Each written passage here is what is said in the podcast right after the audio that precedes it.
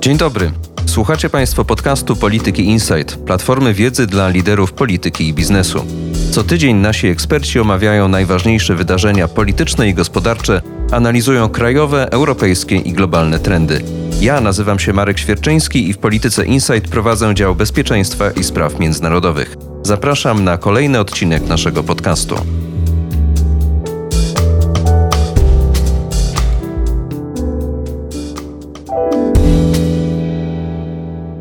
Jest piątek, 20 maja.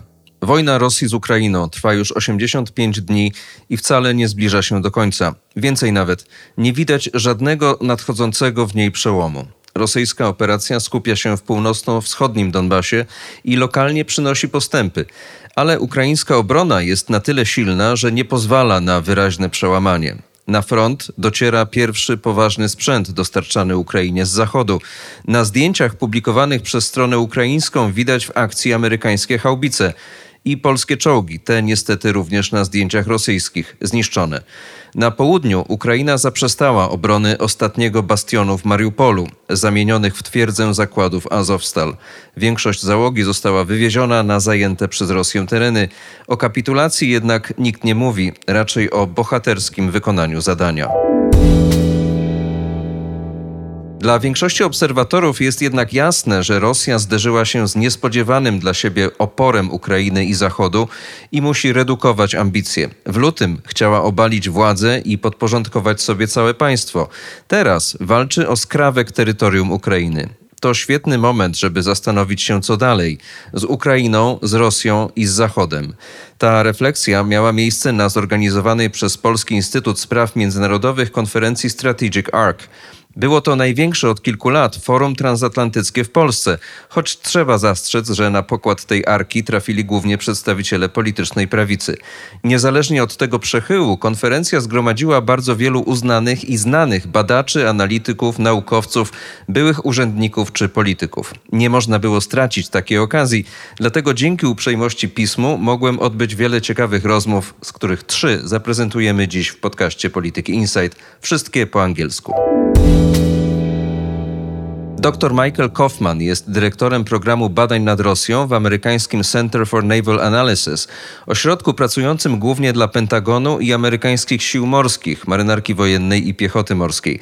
Ale jako długoletni badacz i autor analiz poświęconych rosyjskiej armii, Kaufman przed wojną i w jej trakcie stał się jednym z najbardziej cenionych na Zachodzie ekspertów, wręcz punktem odniesienia dla innych, mniej doświadczonych analityków.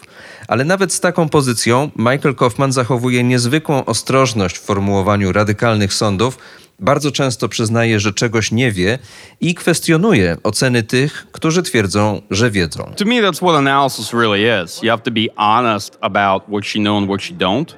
You have to have caveats, you have to have confidence levels. That's the difference between doing analysis and providing commentary on one topic or another. you have to assume that you're working with imperfect information, that some of the things you may be going off of are wrong or they will be proven wrong down the line. And you'll have to go back and you'll have to revise your previous statements, your initial analysis. The longer you are in the field, the more you get an appreciation for what you don't know, for when to recognize when there are things that you don't know or you don't know enough about them yet to make hard judgments or, or good calls, and to more importantly, figure out what the right questions are to me, it really begins with trying to understand what are the right questions. And often, when looking at a situation, what I ask is, how would we know if that was true? And what would prove that analysis to be false? Ideas are best when they are falsifiable or when they are testable. Otherwise, you can just say anything. And oftentimes, you do see people on the internet make categorical calls or sort of hand wave and provide these sort of explanations.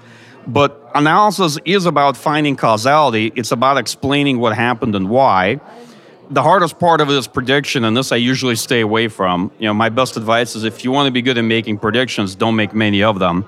And keep in mind that experts are often the worst at, at making predictions. So the more you know about a particular field, it doesn't necessarily confer the ability to make good predictions. You know, I think the job of analysts is stay the debate and to be clear in the conversation at times when there are things we don't know yet or things that we can't effectively predict and to balance it in that way. Unfortunately, sometimes you frankly add by being clear about uncertainty. as if you look at the war right now, we are still debating things that happened in World War One and World War Two. Can you imagine how much we don't know about the earliest phases of the current Russian war in Ukraine, about how things happened and why? For example, my view is that far less of this was overdetermined, that actually was much more contingent than we would like to believe. And that over time, we'll be revising the history or understanding of this conflict and probably gain appreciation that that maybe it was a much more narrowly run set of events, particularly in the opening phase, the decisive phase of the war, than we might come to believe today. And that story has not yet been written. But so I just want to be frank that as the community works to understand what's going on in this war, there's a tremendous amount we've already learned, I think, in, in two and a half months into it, that we didn't know at the beginning or didn't appreciate. Which are the most important things that we've already learned how has the our ability to understand the Putin's machinery of war expanded in the course of, of these three months? Of course, there's a lot of things about a military you can't tell unless they attempt an operation of this size and scale. You can't tell if a military scales operations. You can't tell how much of a rot could be in the military, which a war like this will reveal there's many things you can't tell from limited use of force or exercises, which are often scripted. And there's things I think we discover about the Russian military, which they didn't know about themselves, because they themselves discovered these problems from maybe padded readiness figures to a shortage of contract servicemen to a deficit of infantry and formations and the like. Basically, it's hard to know something about an adversary's military that they themselves don't know about themselves until they are tested in a context like this. Because remember, when folks say, okay, yes, we overestimate Russian military, very true. And if you're applied as an analyst, it, the ecosystem, the conversation often does lead you to overestimate.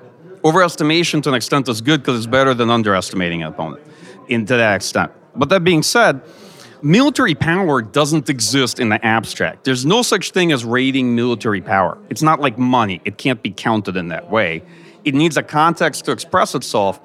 It's, the scenario is very deterministic the initial Russian invasion of Ukraine in 2014 and 2015 looked very different from this operation. The fighting looked very different in 14 and 15. But you see the complete difference in scale, in scope of operations, in political objectives, and also, of course, the big difference in Ukrainian military capability. And I think probably it's much fairer to say that we underestimated the Ukrainian military more than we overestimated the Russian military. And we knew far less about the Ukrainian military. We still don't know that much about their movements and their losses and what have you on the battlefield. There's much we don't know because it's a war, and you'd expect those things not to be disclosed. But in many respects, we are both pleasantly surprised and impressed by Ukrainian military performance. We're surprised by the effectiveness of the military capabilities and aid we've given Ukraine. And if you ask why, it's because there are plenty of cases where we've had other allies and partners to whom we gave the weapons, and weapons do not an army make and they were not successful with them. Here is not yet a capability. Yeah, absolutely. And there's much more that goes into a force than just providing anti tank missiles. To a substantial extent, I'll be frank, I think Ukrainians are surprised by their performance too. Many of them, I think, privately will admit they didn't expect to do this well in the conventional phase in the war at the opening of it. Our Russian military has made tremendous mistakes. The Russian plan was, from my point of view, a completely unworkable concept of operations to try to achieve regime change in Ukraine, assuming that Ukraine wouldn't fight. That was, it was derived from this crazy set of political assumptions about Ukraine. In that respect, it's a terrible plan, and to some extent, we're now debating is it a bad army or a bad plan? It's definitely both, but what's the balance between those two assessments? What's the fairest distribution between those two conclusions? Taking into consideration the caveat that you said that you're not making predictions. Are we still in phase one, or are we switching to phase X of this war? I think that we're fairly in the second phase of the war, and the decisive phase was the initial phase, which was probably the first three weeks. The failure of the initial Russian war effort was fairly deterministic for the subsequent campaign. They suffered immense losses, considerable attrition, it allowed the Ukrainian military to both recover from the initial shock of the invasion, but to really put them in a position to exhaust the Russian military in this fight. In the second phase, you see the Russian military trying to prosecute an offensive with a much diminished force without potential to replenish it effectively or rotate it. Does this mean that this is what the future of the world looks like? No. This is the second phase. And when this offensive has run its course, Ukraine has counteroffensive options as well but it's hard to predict the direction a war will take. These things are incredibly contingent. When you're observing a conflict as you as it's happening, as people are living through it, it's very hard to know whether you're near the beginning, the middle, or towards the end. There's a whole series of events that can take place that will shift your perception. And you also have to be frank about the fact that, you know, not to be cliche, but the fog of war persists. There's much we don't know and can't see into this war. A lot we can't tell about how certain things are going. Even though we have this plethora of pictures, of statements, of links and videos. Yeah, but in some ways those are those offer insights, but also analytically you have to be very careful because that is very stylized one-sided picture of the war and that's not necessarily what the real battlefield looks like. So the availability of TikTok images, things pulled off of Telegram and the Twitter, okay, that was a huge anchoring effect. And it drives your perception of the war. And guess what? You're going to find out over time that that's just one piece of the story. There's a lot you're not seeing there. And many people are jumping off to conclusions off of tactical vignettes that they see. But that's only a piece of the puzzle. In many ways, it's, it can be misleading about what's happening on the battlefield and at the higher operational or strategic levels. And also, a lot of this is the subject of information campaigns by both sides. So you have to be careful. Consume information critically, consume it with a degree of doubt and skepticism, and ask yourself if what you're seeing gives you enough information to come to a judgment or not. You said at the panel that big wars tend to be, in the end, about the quantities of material, of munitions, of supply chains, of logistics. If this is true, then we are yet to see the turning point. Large conventional conflicts tend to come down to manpower and material, and attrition really matters over time. You can have a great plan, you can have a terrible plan, either way, when you run out of equipment, you run out of ammunition, and eventually you run out of manpower. And Russia, for example, has a tremendous manpower shortage. It's trying to fight this war at peacetime strength. Ukraine, on the other hand, had real issues with equipment and ammunition, which the West is working very hard to fix to enable them to sustain the conflict. But these things become more deterministic over time. That's not to dismiss, of course, operational concepts and that's not to dismiss all sorts of intangibles or morale, motivation. Those are critical multipliers, right? But nonetheless, these things really matter. So, are we in a turning point in the war? There could be there are several turning points often in a conflict. The initial turning point in the war may have been the failure of Russia's invasion and belief that they could just get Ukraine to surrender. Another turning point in the war could be the stalled out offensive. It's not run out of steam yet, but it's looking that way. And another turning point in the war could be a successful Ukrainian counteroffensive, not just in the Kharkiv, but other places, yet to come. So the conflict can see several of these. To me, as always, it's too early to make these judgments. I think that fundamentally the decisive phase was the early period of the war. And these other phases, however, will not necessarily dramatically alter Russia's fortunes in the conflict, but they are nonetheless significant to shaping whatever you believe to be the peace, the final outcome if that makes any sense. Because even though one could judge this to be a strategic defeat for Russia and a catastrophic blunder, which I think it is, it's very far from victory for Ukraine. Ukraine has been initially very successful, but the way they define political victory, at least the way they have publicly defined it. And they seem to be changing this actually during the course of the war. Yeah, and that makes sense too. Depending on your fortunes, you may revise war aims or you may revise what political victory means. But nonetheless, that campaign and uh, and attaining political victory, that's still all ahead. Z poziomu taktyczno-operacyjnego przejdźmy teraz na poziom strategiczny. Moja następna rozmówczyni, dr Cory Shake, była urzędniczką Pentagonu i Rady Bezpieczeństwa Narodowego za prezydentów George'a Busha seniora i George'a W. Busha. Później została doradczynią senatora Johna McCaina w jego kampanii prezydenckiej, a pomiędzy sprawowaniem stanowisk polityczno-urzędniczych wykładała na uniwersytetach i pracowała w think tankach, obecnie w American Enterprise Institute.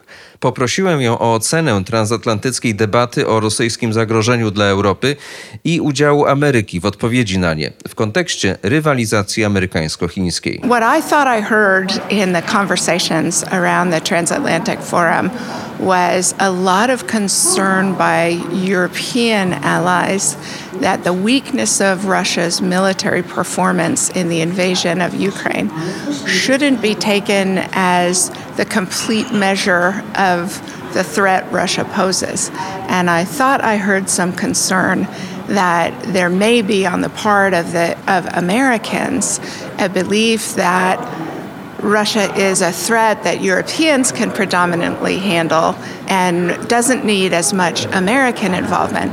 When I think, in fact, the experience of rushing to assist Ukraine shows the opposite lesson. It shows how much it matters to have the United States with a plan, organizing allies, taking the lead on even if the share we provide is eventually small, the leadership we provide helps everybody else come together. And actually, this leadership or this indispensability of the United States is undisputed today.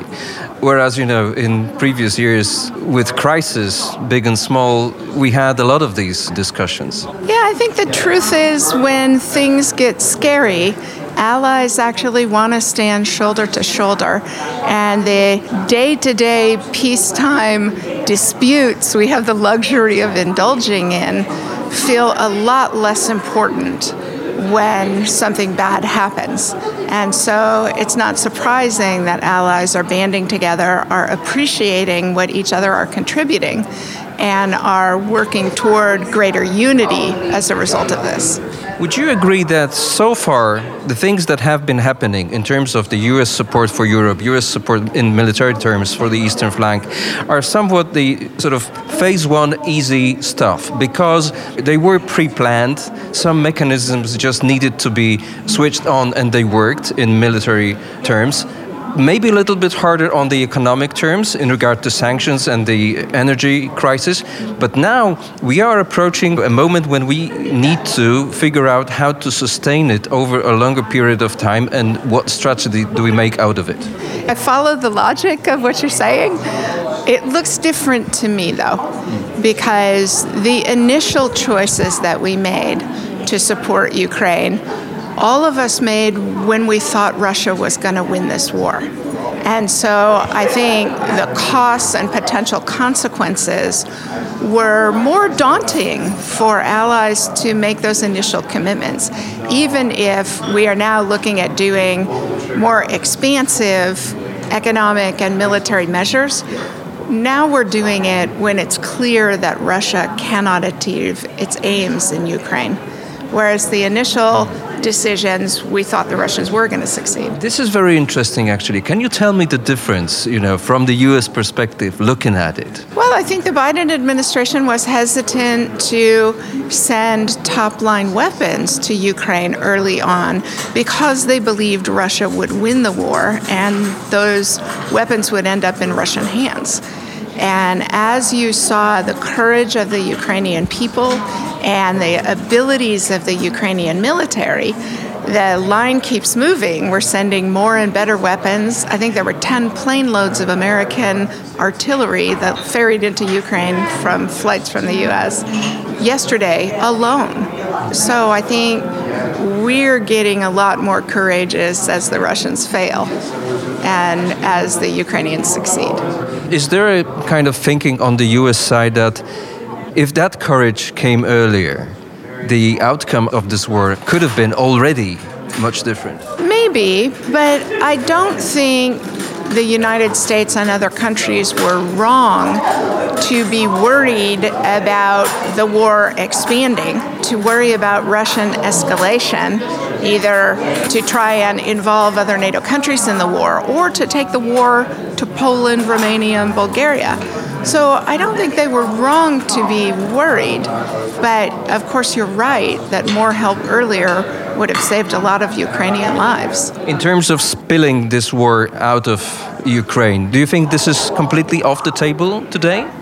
Well, I think if the Ukrainian military can defeat the Russian army, the Polish military could certainly defeat the Russian army, the Finnish army could defeat the Russian army.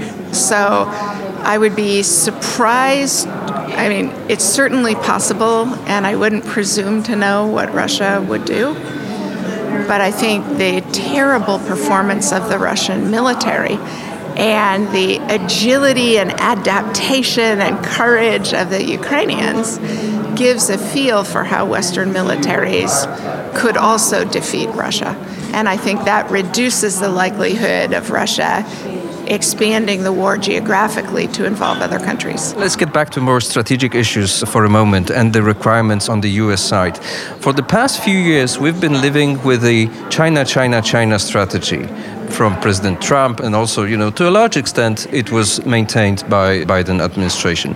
For the past few months, we seem to be living in a Russia, Russia, Russia kind of environment. But of course, there needs to be a combination of those two, looking from the U.S. perspective. Yeah, I think that's right. I mean, China isn't less of a problem just because Russia invaded Ukraine and China may be getting ideas about how to better invade Taiwan from watching Russia's difficulties. So we still have to worry about China. The Chinese government is still the major threat to the United States. And so if Europeans are justifiably more worried about Russia at the moment than they are about other things, the U.S. still has to be very worried about China. And there is a huge debate over how these strategic requirements translate into budget necessities in the United States.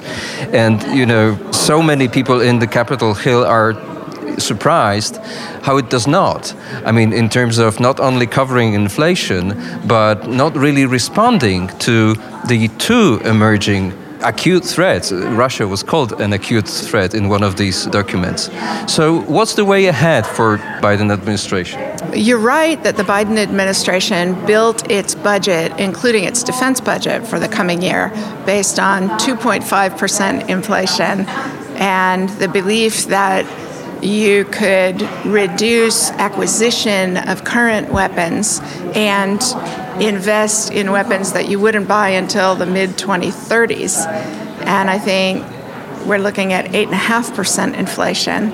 And the director of national intelligence just announced last week that the intelligence community's judgment is that the maximum risk to Taiwan will come between now and 2030.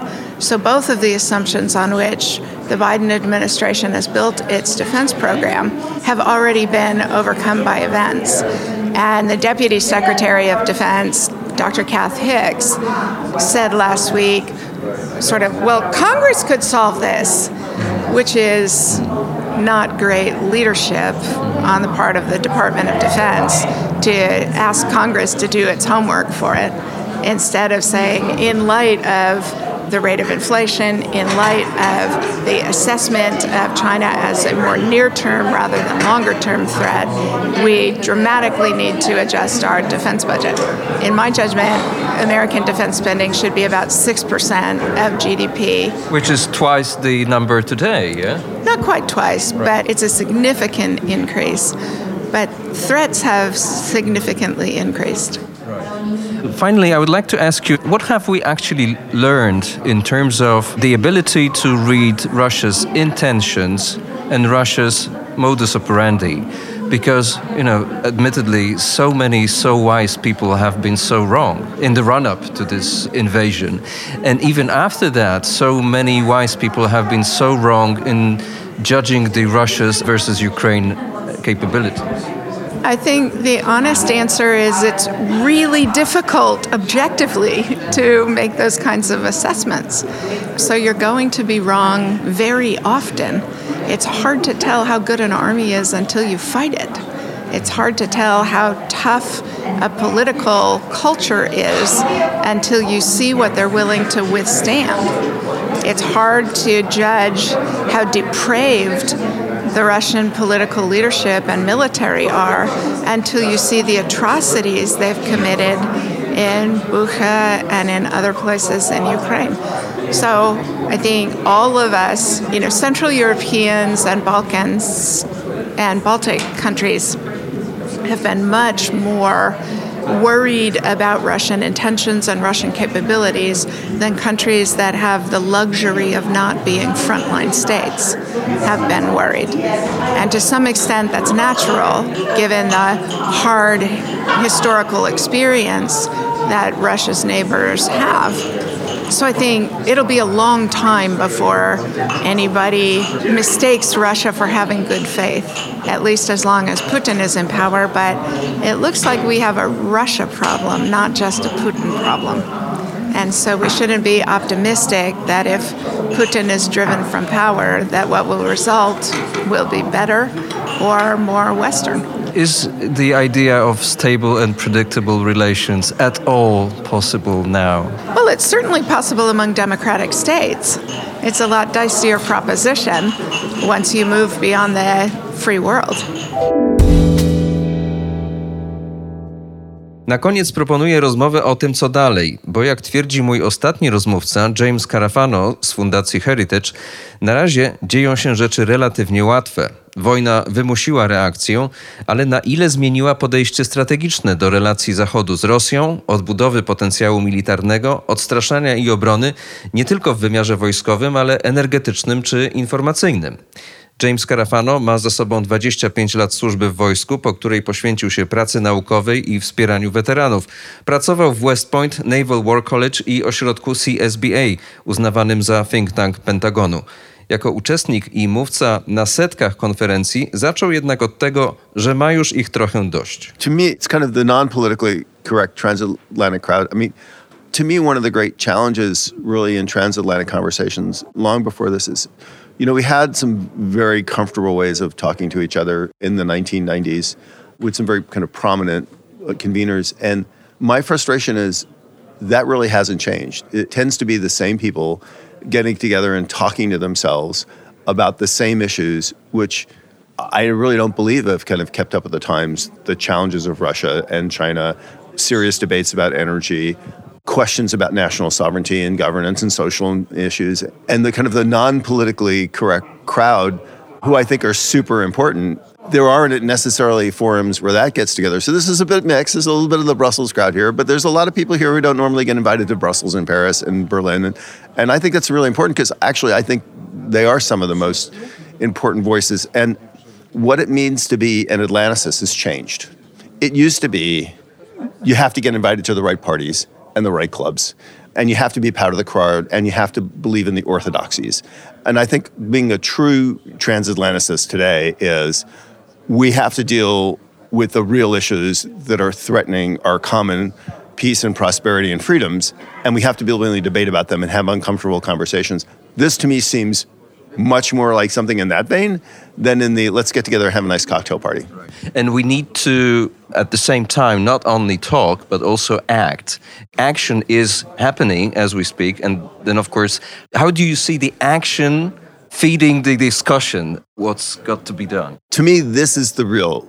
I tell people this and they look at me and kind of cross eyed when I said, honestly, now we're doing the easy stuff. I mean, the fact that Ukrainians were willing to defend themselves and recognizing the importance of Ukraine as the loss in Ukraine is the first step to really the great destabilization of Europe. And taking that seriously, providing the Ukrainians the military aid, the medical supplies, food, diplomatic support. Atlantic community now faces the hard questions, particularly with regard to Russia. Regardless of what you think about the state of the Russian military, they've proven they're really good at two things killing innocent, unarmed people and destroying their lives and livelihood might not be such a big deal if you're an American and Canadian, thousands of miles away. But if you're a country bordering Russia, the Russian military in being, even when it's incompetent, is a grave threat. The question always is, is how do we, beyond Ukraine, how do we protect ourselves? And I think there's two really big challenges. What makes Russia have the ability to destabilize Europe? And obviously, it's its military and energy blackmail and coercion and corruption and exploitation. The Atlantic community has to deal with those two challenges. The defense challenge is largely shifting to from a, a tripwire defense of the NATO frontier to forward defense, which means going from saying the traditional way that last 20 years is look, there's a blue line there. If you cross it, we'll get really upset. To saying, there's a blue line there. If you cross that line, everything that crosses that line is going to die. That's a significantly different structure for NATO, different level of military contributions. That's a big question mark whether NATO's up to that challenge. And the second one, of course, is energy. Europe needs reliable, affordable, abundant energy that where it's not dependent on its enemies. The United States needs to become a independent and dominant energy power because the energy challenge only gets solved in the Atlantic context. In both those cases, the easy things have already begun Exactly. happening, but then you would call for a strategy. I mean, and these are the hard questions. And then, of course, the third issue is how do you deal with the security of the states caught in the middle? And these are Georgia, Moldova, Ukraine, and Ukraine arguably maybe is the easy one now because you know what do security guarantees look like. And security guarantee isn't the right word because a guarantee is not going to deter the russians. How do you get a stable security situation in these countries that make them look like a too difficult pill for russia to swallow? These are hard questions europeans have not had to grapple with. And i see this in the united states. You know for example where we just had this kind of debate over supplemental spending for ukraine which is all about American domestic politics and really nothing about American support for Ukraine, which I think is largely unshakable. But the traditional lexicon what are your vital interests? What are your important interests? What are your peripheral interests? And how do you allocate resources to meet each of those? That's an exercise that we haven't practiced for decades. Yeah, and getting back into that hard thinking and the hard choices, I'm not convinced yet that the Atlantic community is up to that.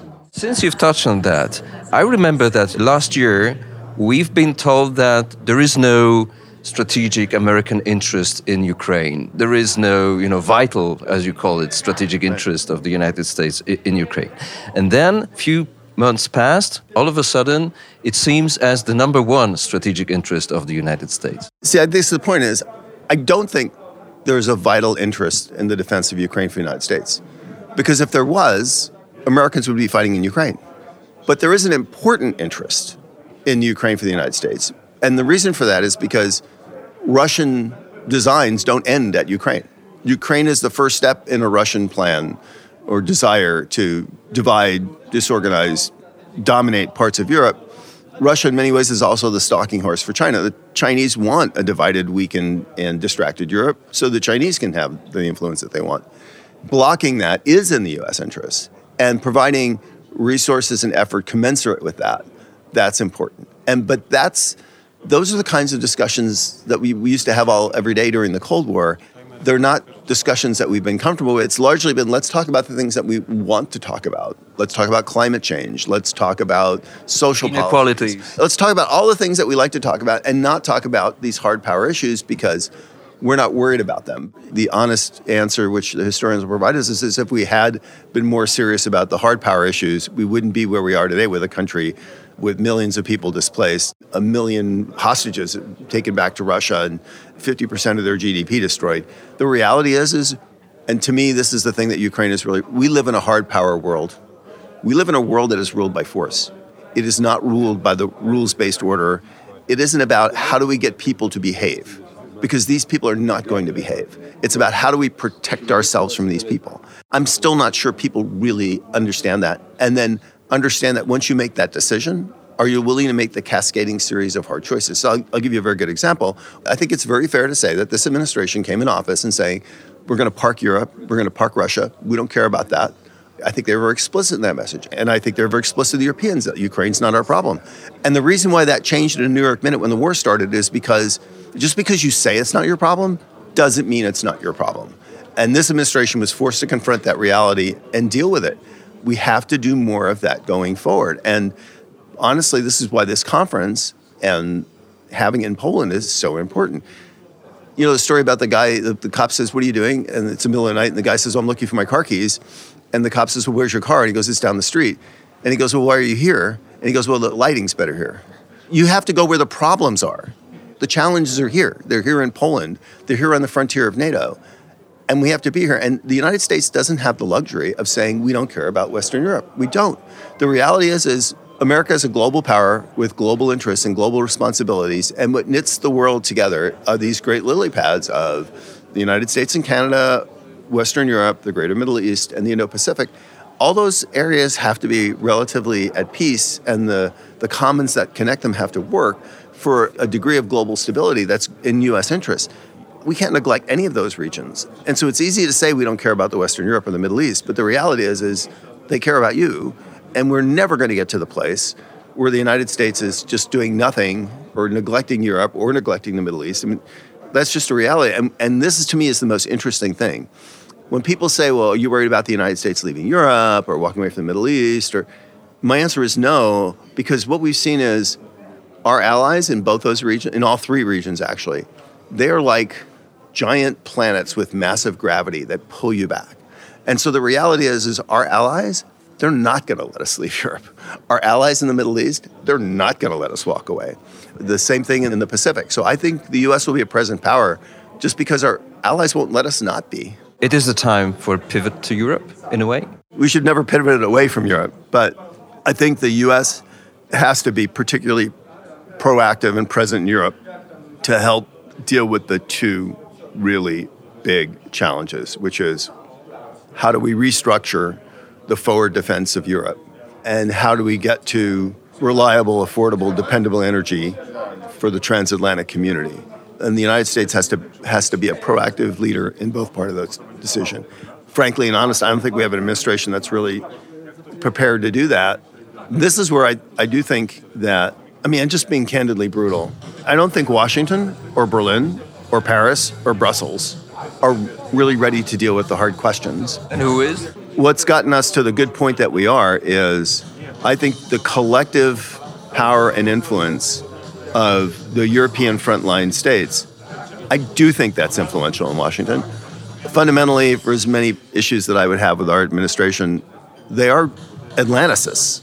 They believe in the transatlantic community. And if they hear from the community about we need to do this, I think they'll respond to that. And so I think it is really important that European nations are bilaterally and collectively, as groups of states, are proactive, constructive, and bring ideas to the table. And you know, I often actually point to Poland and Romania as exemplars in this administration and the last administration because what both countries did is is they engaged proactively and they just didn't bring demands to the table. They brought solutions to the table. They say, we want you to do things, but there are things that we're going to do. And I think that played very well in the last administration. And I think surprisingly, this administration has been pleased that rather than looking at East Central Europe through this prism that they wanted to, being forced to deal with the they actually find that they've got really good partners here. I think better than they maybe anticipated. James Carafano, thank you so much. No, thank you for having me. Na dziś to wszystko. Na kolejny odcinek podcastu Polityki Insight zapraszam w przyszłym tygodniu. Posłuchajcie również naszych innych audycji, które znajdziecie w większości aplikacji podcastowych. W pole wyszukiwania wpiszcie po prostu Polityka Insight. Słuchajcie, obserwujcie i komentujcie. Do usłyszenia.